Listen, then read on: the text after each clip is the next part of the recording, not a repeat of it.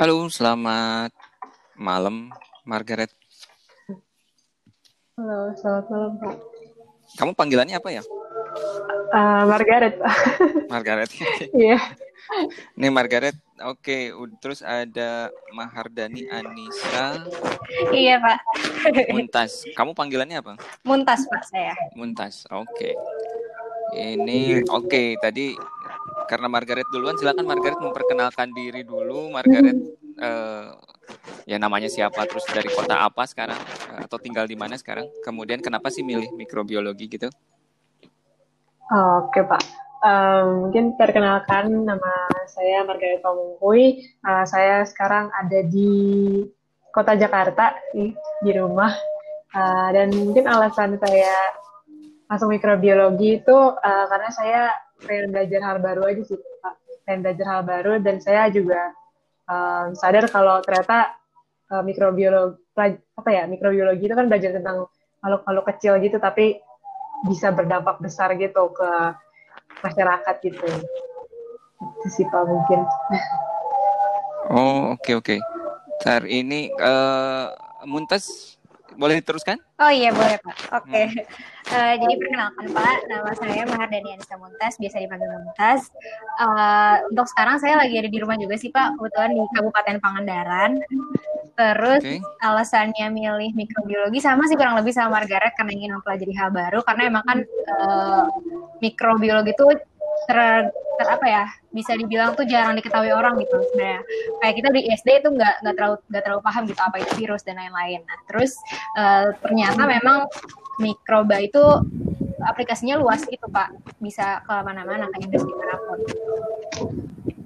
oke ini hal hal baru. Emang kenapa nggak milih uh, penerbangan gitu atau yang belajar sa rocket science gitu itu baru banget kan kayaknya gimana? Uh, gitu? Mungkin karena kalau saya sendiri sih karena kurang kurang bagus gitu fisikanya jadi emang dari dulu menghindari ke arah sana jadi lebih ke ya kalau bisa yang uh, biologi aja atau mungkin lebih ke seni gitu karena saya juga kebetulan ada ketertarikan di sini juga gitu. Oke oke. Kalau Margaret, kenapa milih mikrobiologi dan enggak yang lain gitu? Kan banyak yang baru juga um, mungkin kalau kalau saya bisa apply ke NASA gitu ya Pak, saya juga mau sih Pak. ya ini yang yang lebih terjangkau dan mungkin saya juga uh, ya so, mungkin sama kayak Munta sih lebih lebih suka ke arah biologi atau kimia gitu, nggak terlalu memang lebih suka ke arah sana aja biologi dan kimia. Oke okay, oke. Okay. Dan kalau ke NASA nanti bisa ketemu Elon Musk gitu, bisa nyobain Tesla lah, apa lah, gitu kan. Iya benar-benar. Nah, ini ada Benedictus uh, Dewantara Yoga. Nah, silakan memperkenalkan diri. Panggilannya siapa sih kamu teh? Iya, Pak. Uh, selamat, selamat malam dulu, Pak. Jadi, malam. Uh, kalau saya tuh sebenarnya waktu masuk kuliah pengennya dipanggilnya Dewa ya Pak, kalau boleh jujur. Tapi ternyata teman-teman saya tidak mendukung untuk memanggil saya Dewa. Jadi ya uh, seperti biasa saya panggilnya Yoga gitu Pak. Terus Oke. Okay. Apa lagi Pak? Sekarang kamu di mana nih? Dan uh, bisa cerita nggak kenapa sih masuk mikro? Uh, lagi di Jakarta Pak, karena emang asalnya lagi di Jakarta terus jadi sejak ada pandemi langsung pulang ke Jakarta itu di rumah. Kalau masuk mikro uh, kenapa? Ya? Mungkin uh, tadi udah denger muntas sama Margaret ya? Nanti dengernya kalau udah selesai nanti saya upload.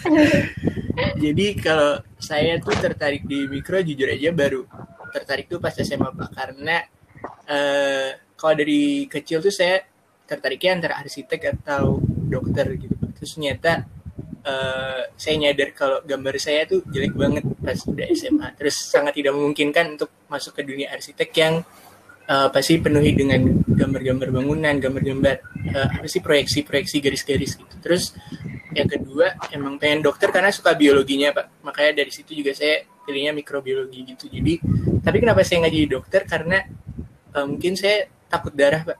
Jadi saya saya takut darah. Bahkan kalau disuntik se yang di jari aja tuh buat tes golongan darah misalkan mbak. Itu saya bisa keringet dingin gitu. Terus dari situ saya terus berdoa terus saya nanya apakah jalan saya itu masa depannya seorang dokter? Terus sepertinya diberikan jawaban bukan gitu. Terus uh, saya cari-cari lagi.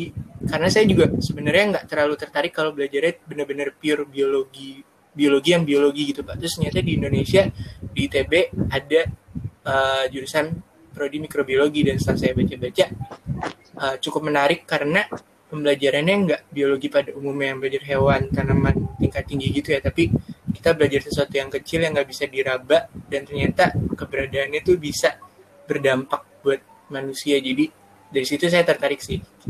Itu pak mungkin. Oke. okay. Uh, ini kemudian ada Nur Afifah Baskara. Iya, Pak.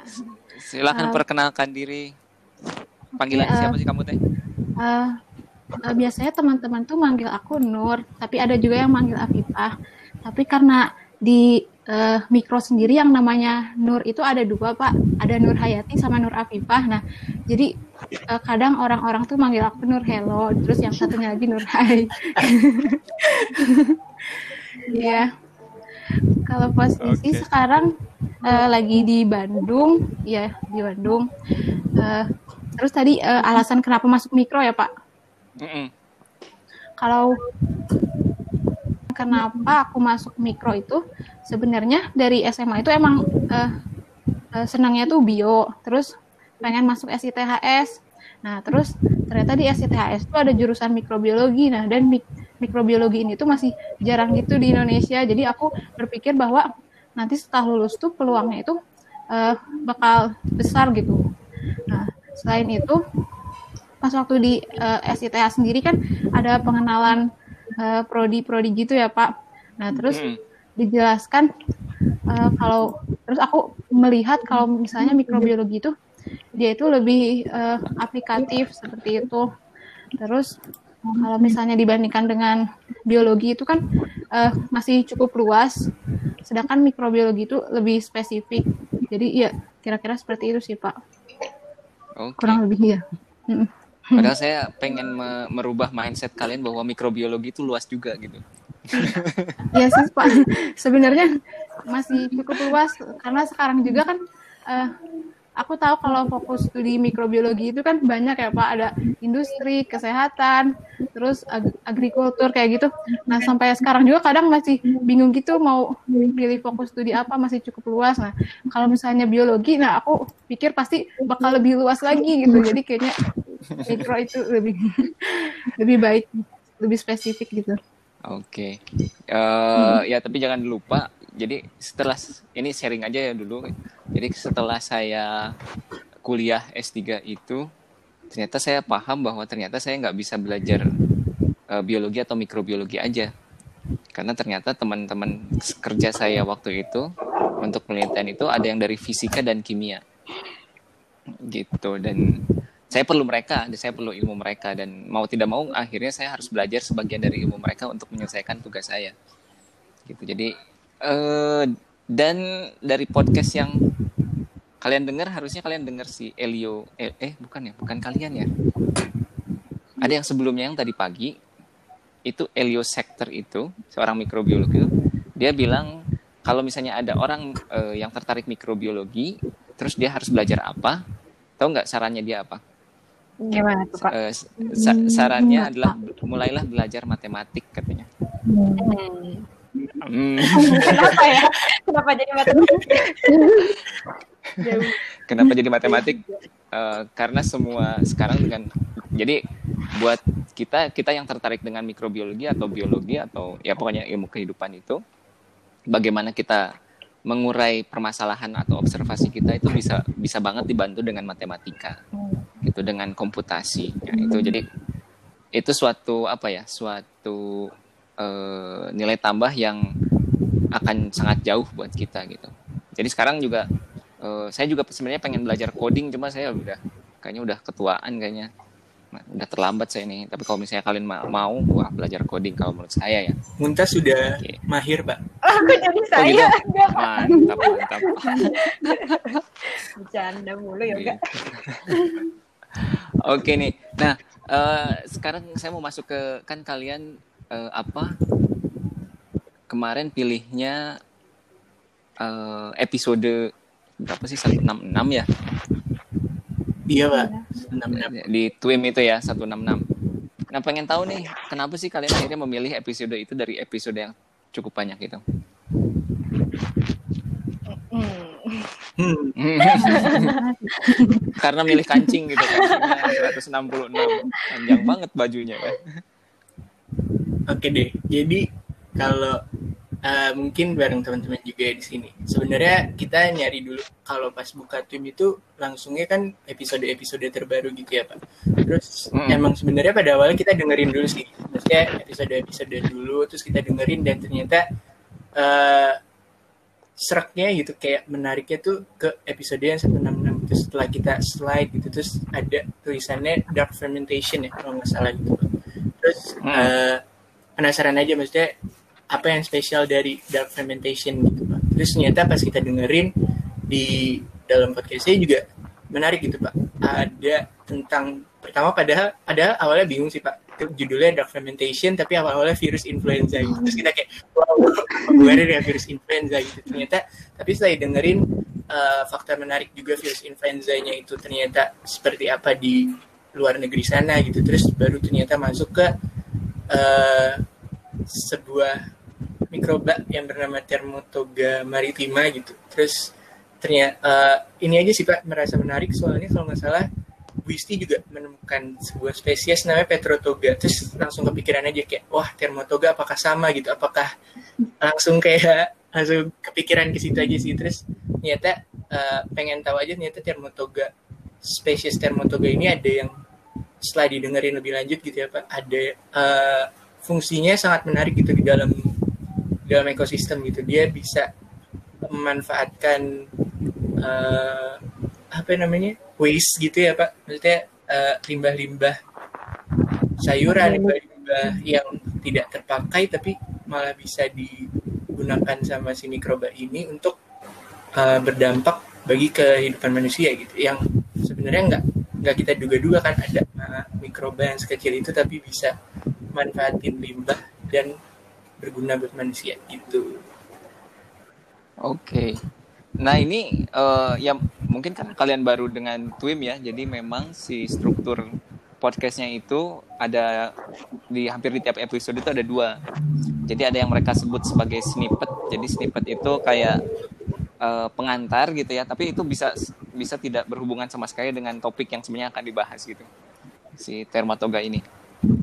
Gitu. Tapi ya syukurlah kalian mendengarkan keduanya gitu ya, jadi menambah informasi lah. Oke, eh, kalau kalau Termatoga ini, kalau dari yang sudah kalian dengar atau mungkin kalian sempat searching di internet, ini hidupnya dari di apa?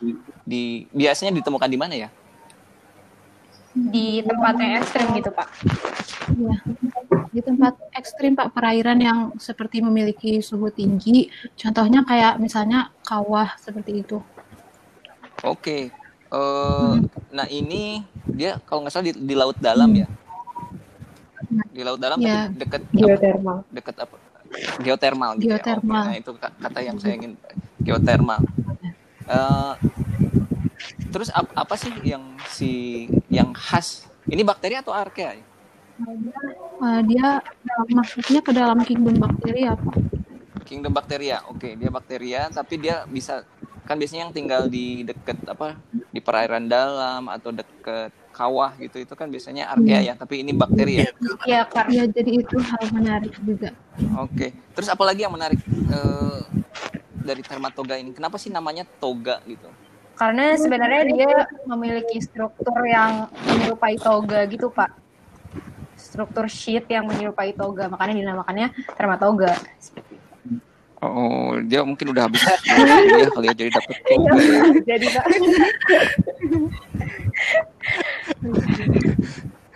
Nah, tapi terus ini penelitiannya dilakukan di mana? Di Tunisia. Iya, benar di ya. Tunisia, Pak. Tunisia tuh di daerah mana Eh, ya? daerah dekat Arab sana kali ya. Timur Tengah mungkin. ya, Timur Tengah. Nah, Jadi eh yang mereka lakukan adalah ngambil si mikroba ini, si bakteri ini dari dalam lautan gitu ya. Terus dicoba di di di lab gitu ya. Hmm, Iya. Terus terus ceritanya gimana tuh? Eh, apa sih yang apa yang yang, yang sebenarnya mereka lakukan? Kok mereka kepikiran ya untuk bikin apa sih? Jadi jadi apa? Eh, menghasilkan apa sih energinya? Ah. Kalau nggak salah Biohidrogen, Pak. hidrogen. Iya. Oke, jadi dia bisa menghasilkan hidrogen dari tadi eh, Dari limbah gitu. Limbah Limbah sayuran dan buah-buahan. Iya. itu ceritanya gimana sih? Bisa cerita nggak? Eh, Total mungkin sempat ada kebaca, udah sempat baca.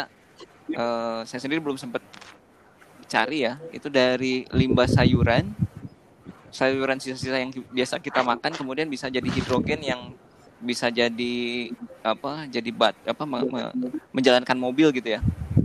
Iya betul Pak. Jadi eh, sebenarnya kan eh, di Tunisia itu sendiri sampah limbah ini tuh eh, biasanya berakhir di eh, pembuangan saja gitu Pak, atau bahkan justru di eh, proses yang dilanjutkan itu seperti pembakaran atau penanaman gitu di dikubur di dalam tanah. Jadinya kan malah menimbulkan masalah baru kan kalau pembakaran.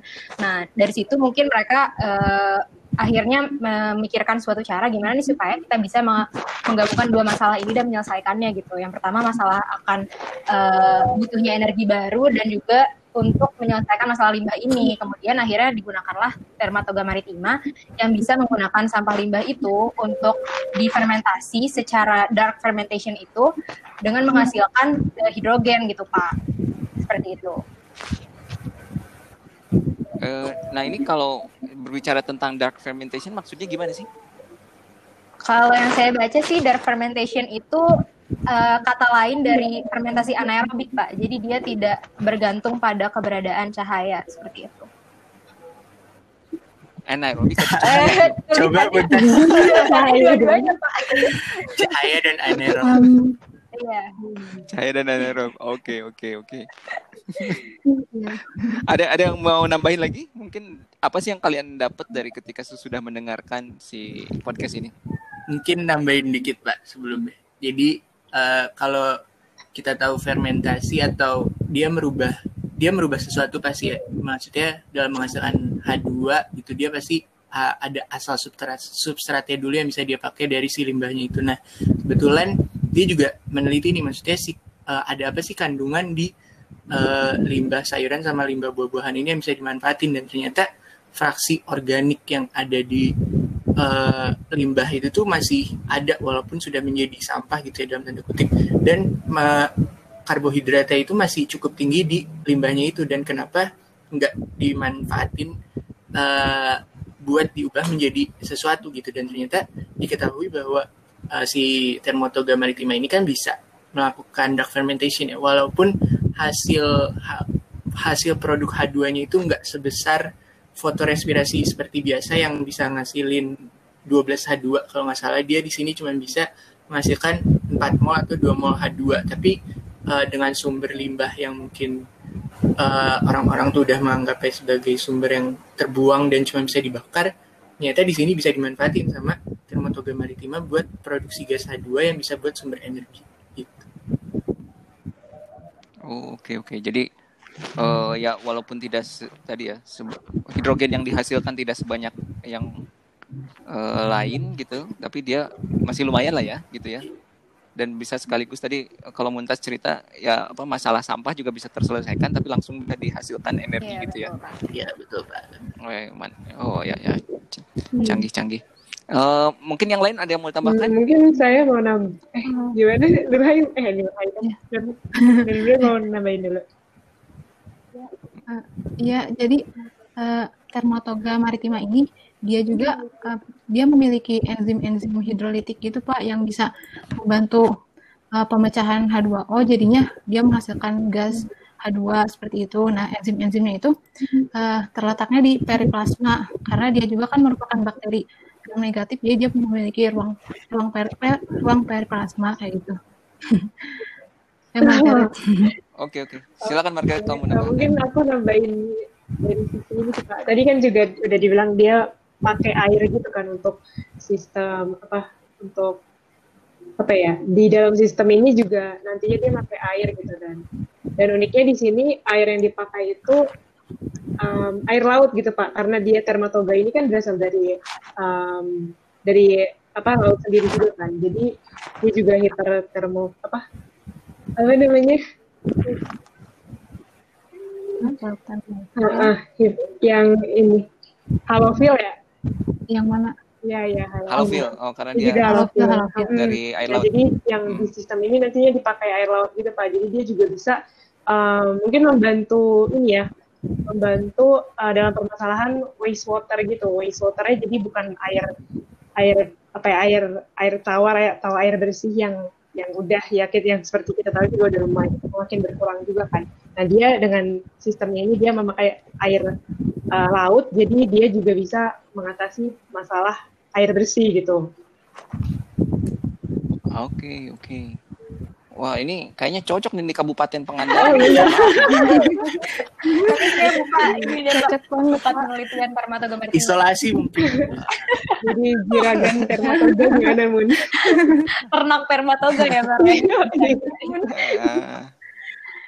nah ini nah ini ngomong-ngomong isolasi nih ini kan nanti kalau kita mau isolasi terus eh, apa yang bisa kita cek nih kalau orang teman-teman tadi cerita tentang eh, identifikasi mikrobanya bisa dilihat mikroskop terus ada uji enzimatis uji biokimianya apa gitu. Kalau si dermatoga ini kira-kira eh, sifat-sifat morfologinya seperti apa sih? Dan apa yang bisa kita cek eh, misalnya uji-uji apa sih yang bisa dipakai gitu?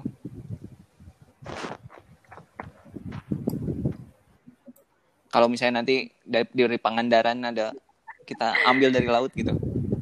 Em, untuk morfologinya sendiri sebenarnya organisme itu kan termasuk bakteri ya Pak. Dia itu berbentuk batang Hmm. dan ti- dia tidak membentuk spora gitu. Nah, dia Oke. juga termasuk ke dalam bakteri gram negatif Pak. Oke, gram negatif kalau diwarnain gram jadi apa tuh? Warnanya merah. Jadi merah.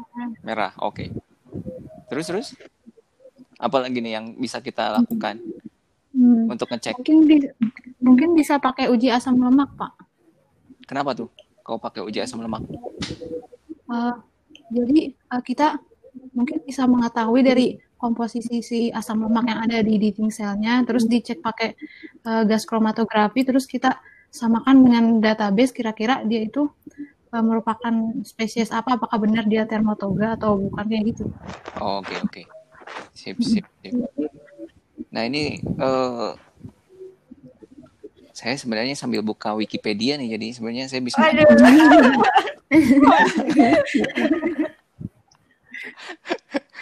harusnya kalian juga sambil buka juga jadi Oh, gitu.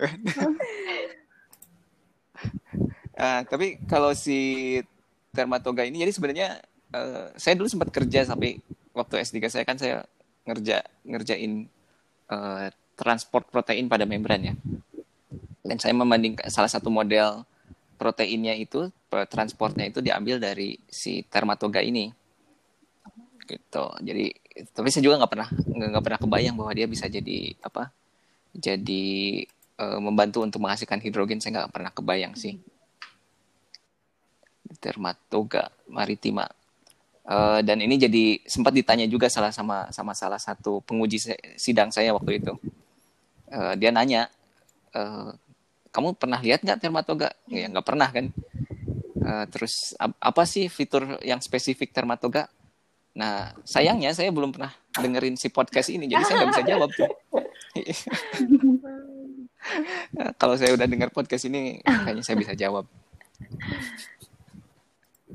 Nah, si temennya dia yang eh, jadi kan si podcast ini ada kebetulan kalau yang sesi yang kalian dengar itu eh, panelnya itu ada dua orang ya, ada si Vincent, Vincent Rasian Ra- Rakin Yellow, Eh, saya lu nggak tahu penyebutan namanya, sama satu lagi ada Ilio Ilio Schechter. Ilio ini pernah jadi eh, presiden ASM nih.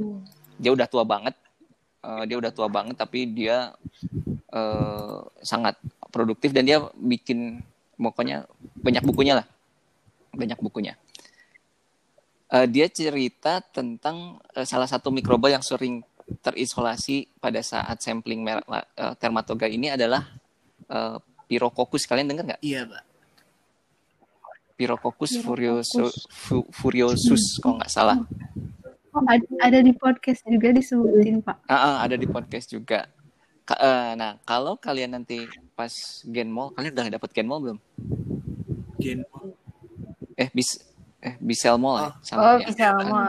Udah, Pak, udah. Udah, udah. Eh, terus kalian kalau eh, PCR di situ latihan PCR nggak? Iya, Pak. Iya, Pak. Nah, itu enzimnya pakai apa? Eh, Eh, enzim. polimerase. Polimerasenya. Hmm. Nah, jadi kalau misalnya yang sering yang dulu Iya, itu pakai tak kan? Tak itu kan dari termus Iya, aquaticus Pak. kan? Betul. Iya, Pak.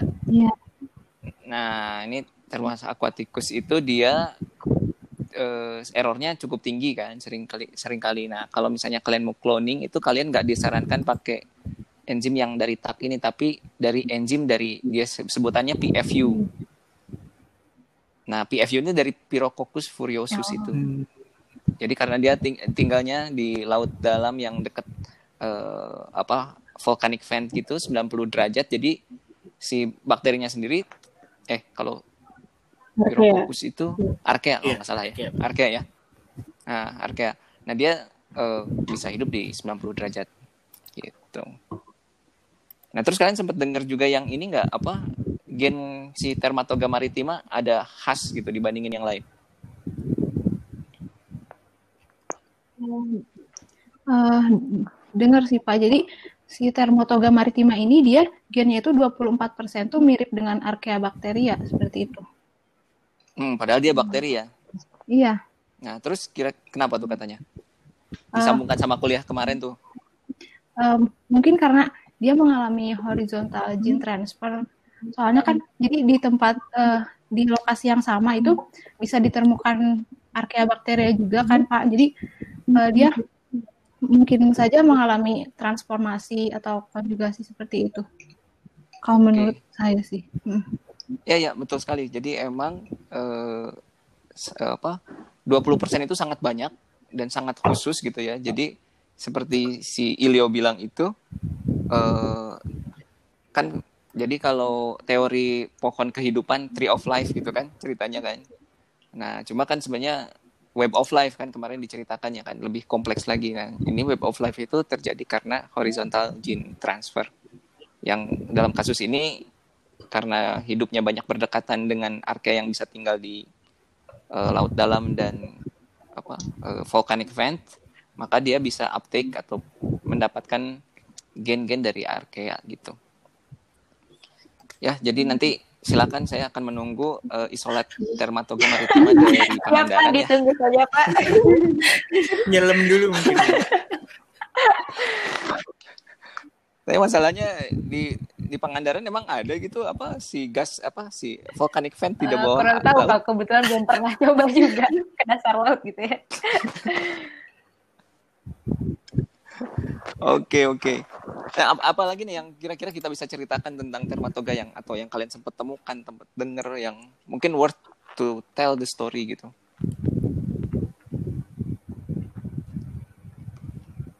Hmm. Atau Belum lagi nemu. Pak. Mungkin ada sedikit yang eh ini nyambung ke yang Margaret omongin tadi sih Pak. Maksudnya nambahin dikit. Jadi eh, Oke, boleh, kenapa dia akhirnya memutuskan buat eh, memakai air laut sekalian buat di mediumnya bukan di pakai air biasa gitu ya. Pada awalnya dia cuma pakai air suling gitu, air biasa. Terus ternyata eh, pertumbuhan bakteri kan tapi juga butuh mineral-mineral ya Pak. Ternyata Thermotoga ini tuh butuh mineral dan kalau nggak salah ada mineral yang yang harus ada buat si termo termotoga itu tapi saya lupa nanti mungkin saya baca lagi Hmm. jadi eh, maka dari itu eh, daripada kita harus nambahin mineral dan jadinya mungkin ya lebih mahal dalam hal biaya jadi dia langsung menambahkan eh, air laut asal dari si termotoga itu diisolasi gitu pak jadi sekalian aja langsung pakai air laut yang isinya udah ada mineral-mineral di dalamnya yang langsung menunjang buat pertumbuhannya gitu. Jadi buat uh, meminimalisir biaya yang keluar juga gitu Pak.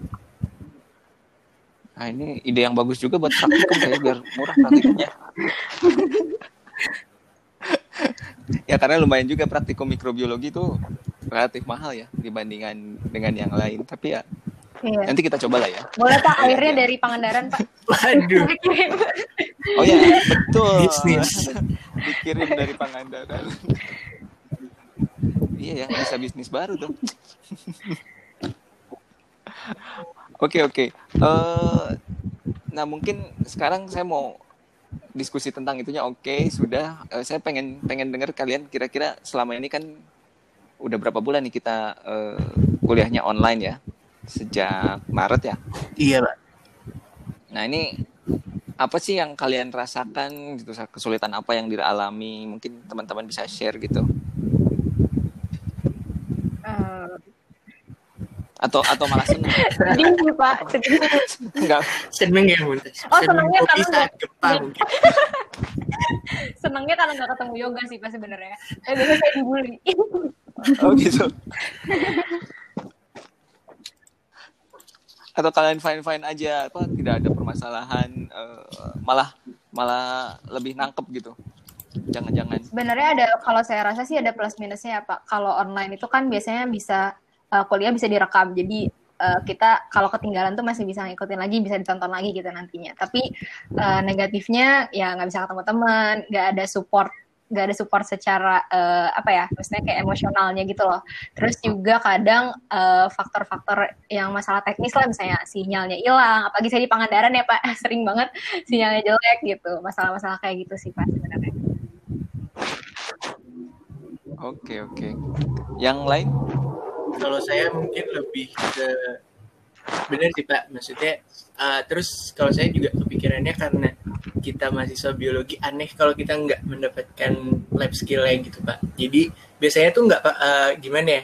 Jadi curhat. Jadi uh, sebenarnya nggak nggak apa-apa kita uh, maksudnya ada jurnal yang banyak, laporan yang banyak, tapi kita jadi bahagia tuh saat praktikum itu benar-benar langsung hands on gitu Pak. Jadi seenggaknya apa yang kita tulis, apa yang kita cari itu benar-benar bisa dimanfaatin langsung di praktikumnya gitu. Dan ternyata ya ilmu itu yang ada di buku bacaan itu benar-benar bisa dipraktikkan gitu. Dan menarik kan ilmu-ilmu yang maksudnya ilmu baru yang ba- balik lagi kayak nggak kelihatan bakteri kayak gini-gini. Terus ternyata setelah diinkubasi berapa lama bisa menghasilkan ini ini ini gitu. Jadi menurut saya itu pengalaman yang hilang aja gitu pak di kuliah online.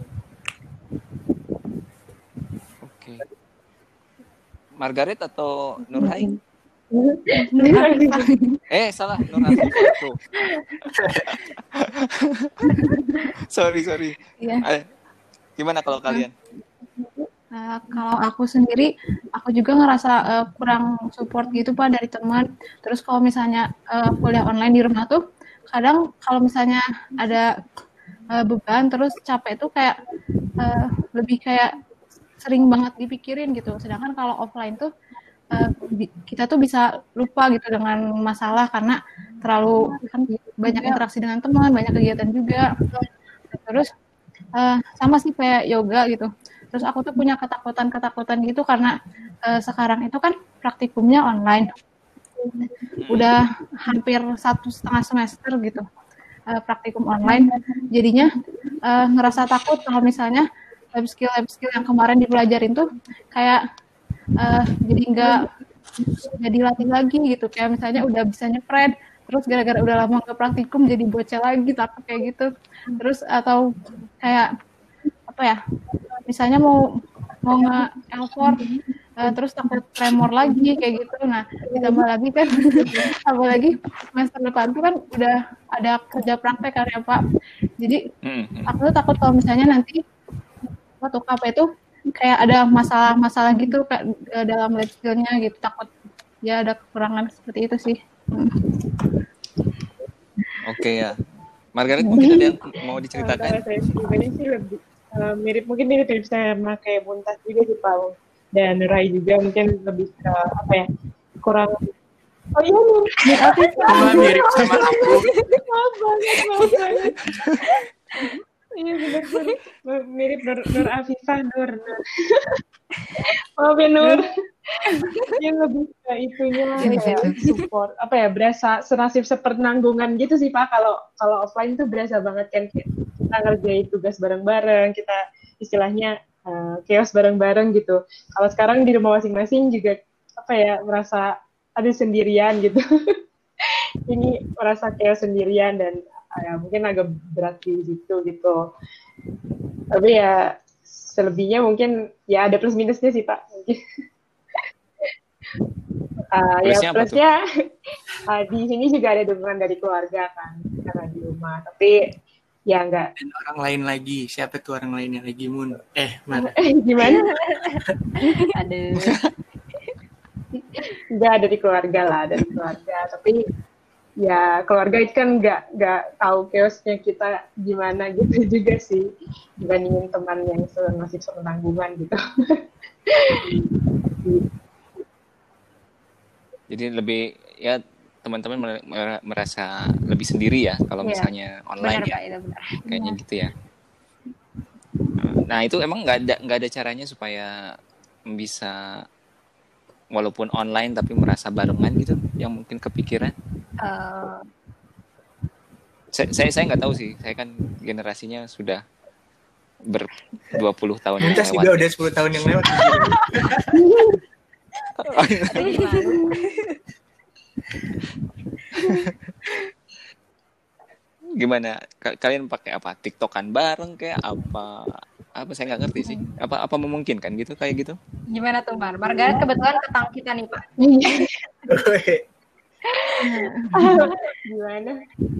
Um, sebenarnya ada sih Pak yang kayak gitu-gitunya kayak uh, tempat kita bisa ngobrol-ngobrol bareng juga tetap, cuma tetap mungkin feelingnya beda sih Pak.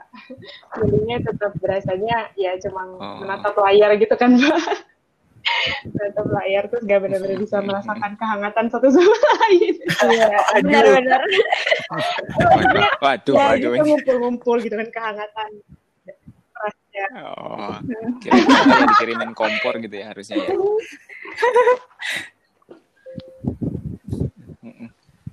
Oke, oke. Ya ini buat teman-teman yang mudah-mudahan nih pandeminya cepat selesai dan eh, ya kita ya para dosen juga mem- memper- banyak ya se- ingin sih ingin memberikan eh, ya kita kan ketika bikin kurikulum, bikin kuliah itu emang kita sebenarnya janjinya adalah memberikan eh, kompetensi ya ke teman-teman gitu. Eh, termasuk juga yang hands on-nya. Nah, rencananya sih ya mudah-mudahan nanti rencananya lancar nanti kalau misalnya pandemi udah selesai eh, nanti teman-teman yang nggak sempat mendapatkan eh, apa skill-skill tertentu di praktikum nanti kita kasih tambahan sih. Gitu. Ya mudah-mudahan. Doakan cepat semuanya cepat selesai gitu. Gitu. Jadi yang kelewat semester ini dan atau semester kemarin nanti ada misalnya di eh, apa di eh, semester pendek gitu nanti ada tambahan mudah-mudahan gitu oke mungkin dari saya sih gitu dari teman-teman ada yang mau tambahin nggak Eh, dari saya cukup Dari sih. saya, iya, dari saya cukup juga Pak. Dari saya juga cukup. Eh kebetulan belum makan ya. Kode Mun. Belum. Belum makan. Oke, kalau gitu eh, dari saya sudah dulu. Kita terima kasih atas partisipasi teman-teman semua. Eh, tetap semangat.